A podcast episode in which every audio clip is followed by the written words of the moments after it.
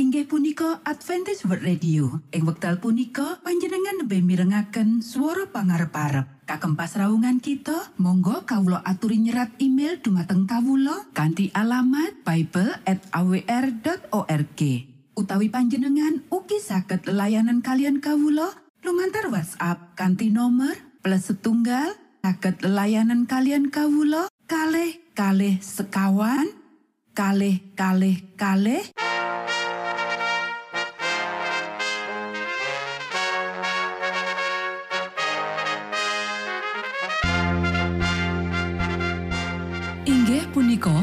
Adventist World Radio ingkang giaran kanthi basa Jawi. Tentrem Rahayu kula aturaken kagem para mitra kinasih ing pundi papan lan panggonan. Sugeng pepanggian malih kalian Adventist World Radio. Kanti bingahing manah Kulo badi sesarengan kalian poro mitra kinasi. Lumantar saperangan adicara ingkang sampun rinonci. Mligi kagem panjenengan sami. Mugi giaran punika saged migunani tuwin dados berkah kagem kita sedoyo. Sugeng midhangetaken Gusti amberkahi.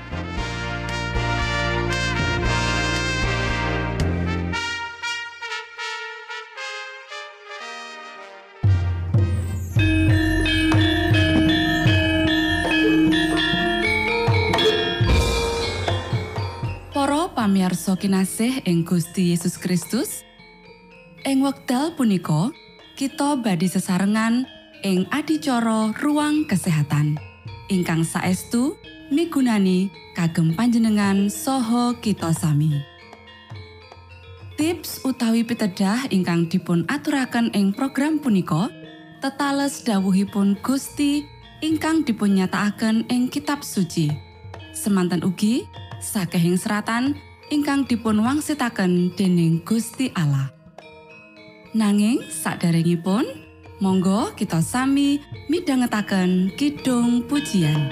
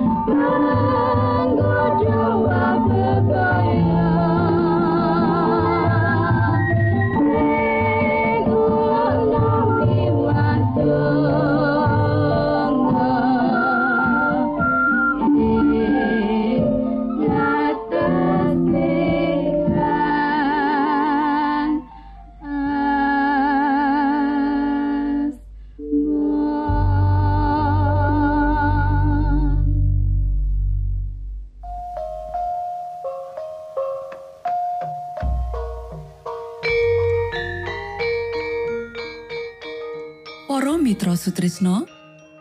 Puji syukur dumateng Gusti ingkang murbeng dumati ingkang sampun kepareng paring wewenngan kagem kita.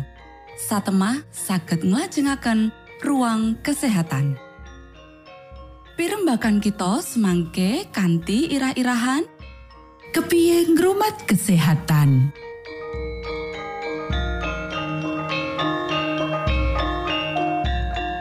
dumateng para pamirsa ingkang dahat kinurmatan sugeng pepanggihan malih kalian kula Isti Kurnaidi ing adicara ruang kesehatan.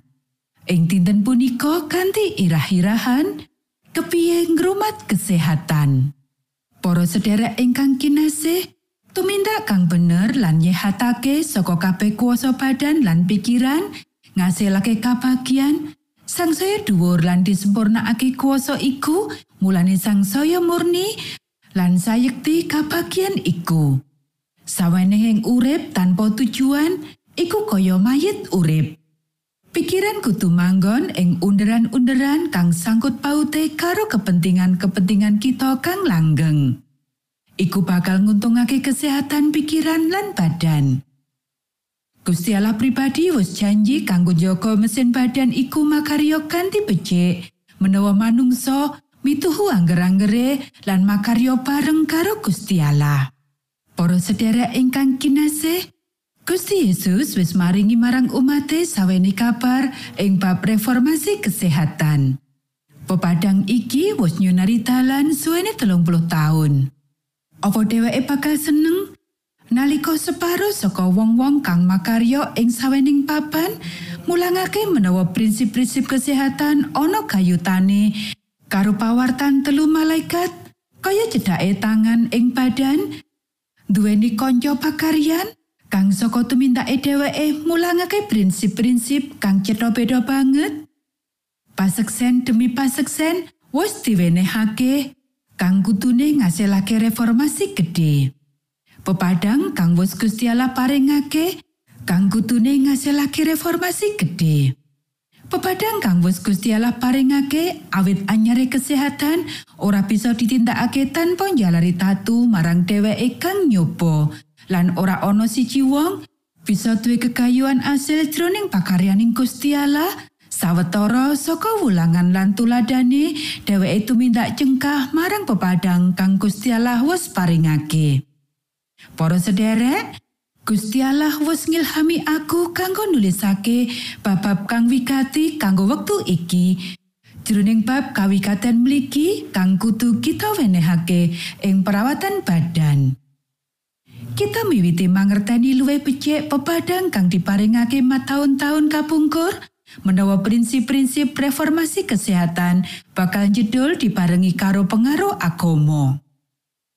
Greget lan usahamu kutu diwenehake ora kanggo pitakonan kesehatan wae, nanging kanggo menehi ngerti kabeneran kanggo wektu pungkasan iki. Kabeneran kang nemtokake nasib jiwa-jiwa.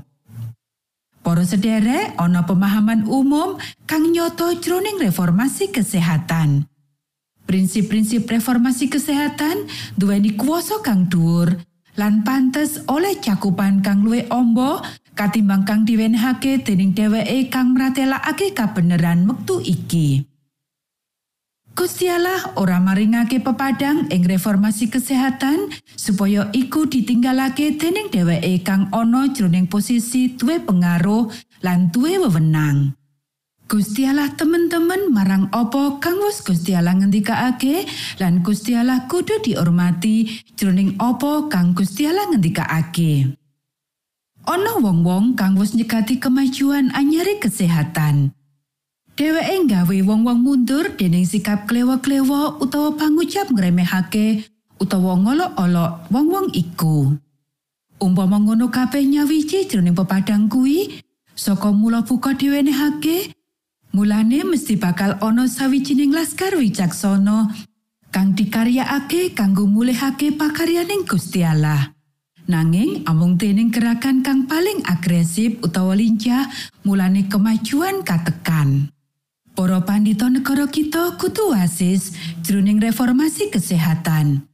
dheweke perlu ngenal becik ilmu pengetahuan fisiologi mulane dheweke bakal wasis jroning angger-angger kang nguasani urip fisik lan kekayutane karo kesehatan pikiran lan jiwa lan bakal kuwowo ngucap kanthi bener ngenani perkara iki. Jroning pamituhu marang angger-angger fisik para pandito kudu dhisikake sabda gesang marang menungso lan ngangkat dhuwur pakaryan reformasi. Matur nuwun Gusti amberkahi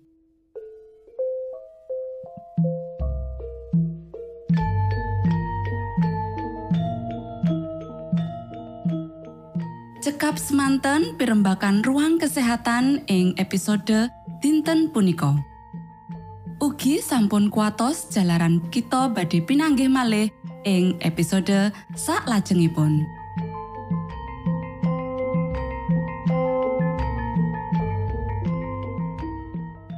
Inggih punika adicara ruang kesehatan. Menawi panjenengan gadah pitakenan utawi ngersakaken katrangan ingkang langkung, monggo kulo aturi.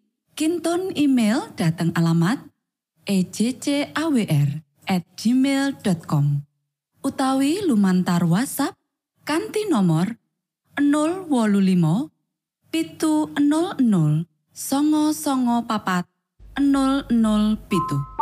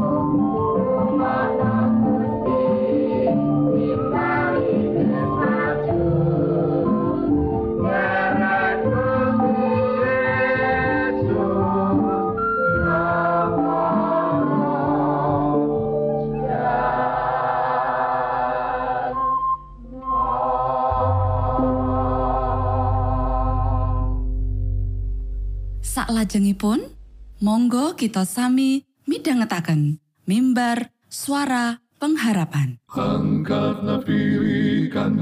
Pawarto Sang Kristus paderamu Pro umat samyo puji asmanyo Sang Kristus paderamu Inggih punika mimbar suara pengharapan. Ing episode punika kanthi irah-irahan. Prabu Nebukadnezar sugeng tondo Sang Kristus paderamu Ilmu kawero tambah tambah. Sang Kristus paderamu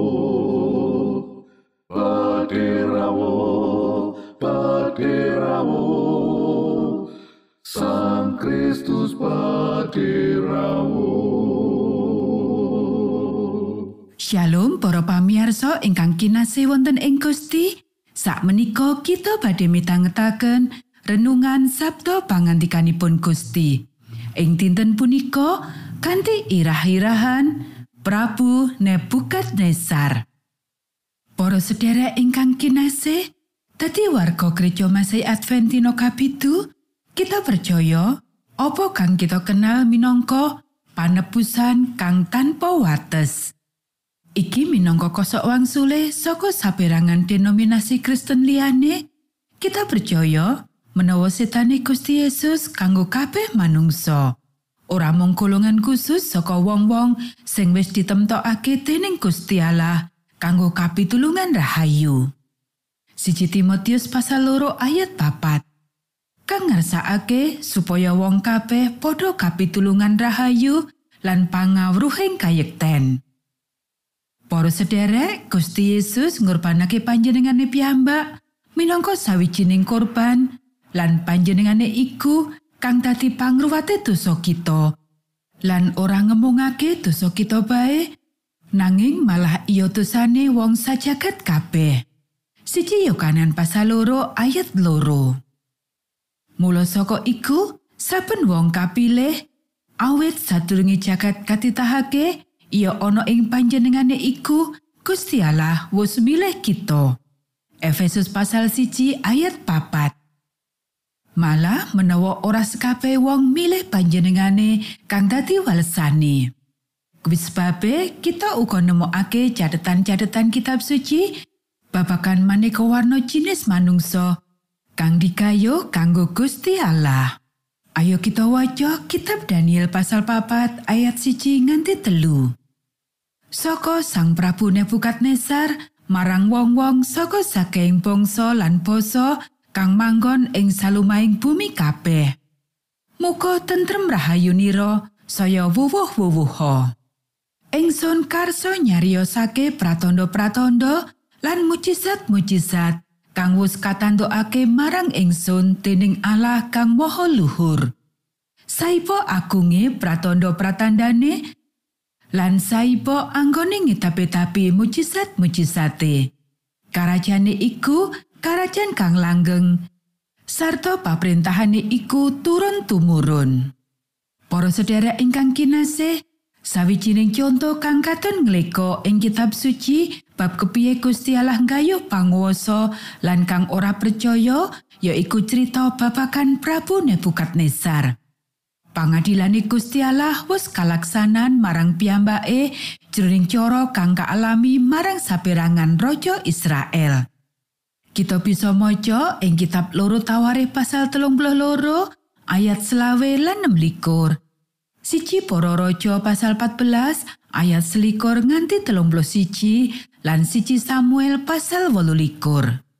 Para sederek catatan kitab suci babakan Prabu Nebukadnezar kang sadar lan ngakoni Gusti Allah pangripto nuduhake menawa Gusti Allah peduli karo wong suke pondo lan pangwoso kaya dene panjenengane uga peduli marang wong kang ringkeh lan paling butuhake. Ing ayat telung pitu, wong kang paling kuasa ing jagat iki ngendikan. Ingsun Nebukadnezar temengo marang langit sarta akal budi ningsun bali maneh marang ingsun. Ingsun banjur memuji marang kang moho luhur lan luhurake sarta mulyaake kang gesang langgeng. Marko panguase iku pangwaos kang langgeng, tuwin karajane iku turun temurun. Daniel pasal papat ayat telung puluh pitu. Saumpama kabeh sing sugih panguwasa lan angko ing antarane kita minangka makhluk fana iki mangerteni kayekteni. Para sedherek ingkang kinasih, apa sing kita sinauni saka cerita iki? Sepisan, Gusti Allah nggunakake wong kang percaya lan sumarah kaya dene Daniel kang dadi kretek kanggo gayuh wong-wong panguwasa sing ora percaya. Kapindone, Gusti Allah bisa cawe-cawe langsung ing sakjroning proses paseksi kanggo gayuh wong-wong panguwasa kang ora percaya. Nebukadnezar kaasorake dening Gusti Allah awit saka gumunggunge lan kaangkuhane. Senaosa iki cerita kang dramatis, akeh cara kanggo wong sugih kuasa lan angkuh bisa kaasorake. Monggo kita sami ndedonga. Do Rama kawula ingkang wonten ing swarga, asma patuko mugi kasucikaken. Kraton patuko mugi rawuh, karsa patuko mugi kalampahan wonten ing bumi, kados dene wonten ing swarga. Kawula mugi kaparingan rejeki kawula sak cekapipun ing dinten punika. Saha patuko mugi ngapunten kalepatan kawula kados dene kawula inggih ngapunteni tetiang ingkang kalepatan dhateng kawula. Punapa dene kawula mugi sampun ngantos katandokaken dhateng ing panggoda nanging mugi sami patuko uwalaken saking piawon. Awit dene patuko ingkang kagungan kraton saha wisesa tuwin kamulyan salami laminipun. Amin.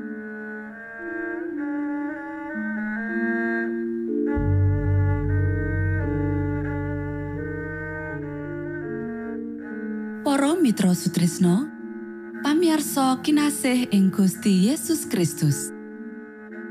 Sampun paripurno pasamuan kita ing dinten punika. Menawi panjenengan gadah pitakenan utawi ngersaakan seri pelajaran Alkitab suara nubuatan Monggo Kulo aturi kinton email dateng alamat ejcawr@ gmail.com utawi lumantar WhatsApp kanti nomor 025 pitu 00 songo songo papat 00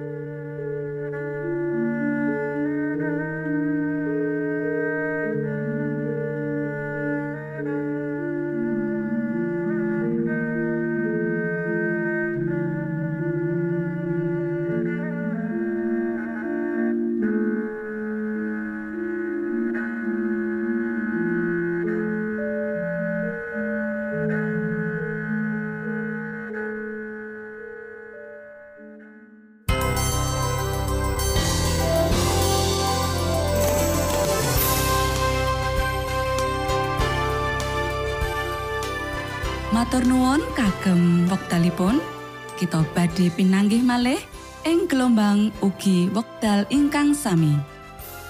Saking studio kula ngaturaken tentrem rahayu. Gusti amberkahi kita sedaya. Maranata.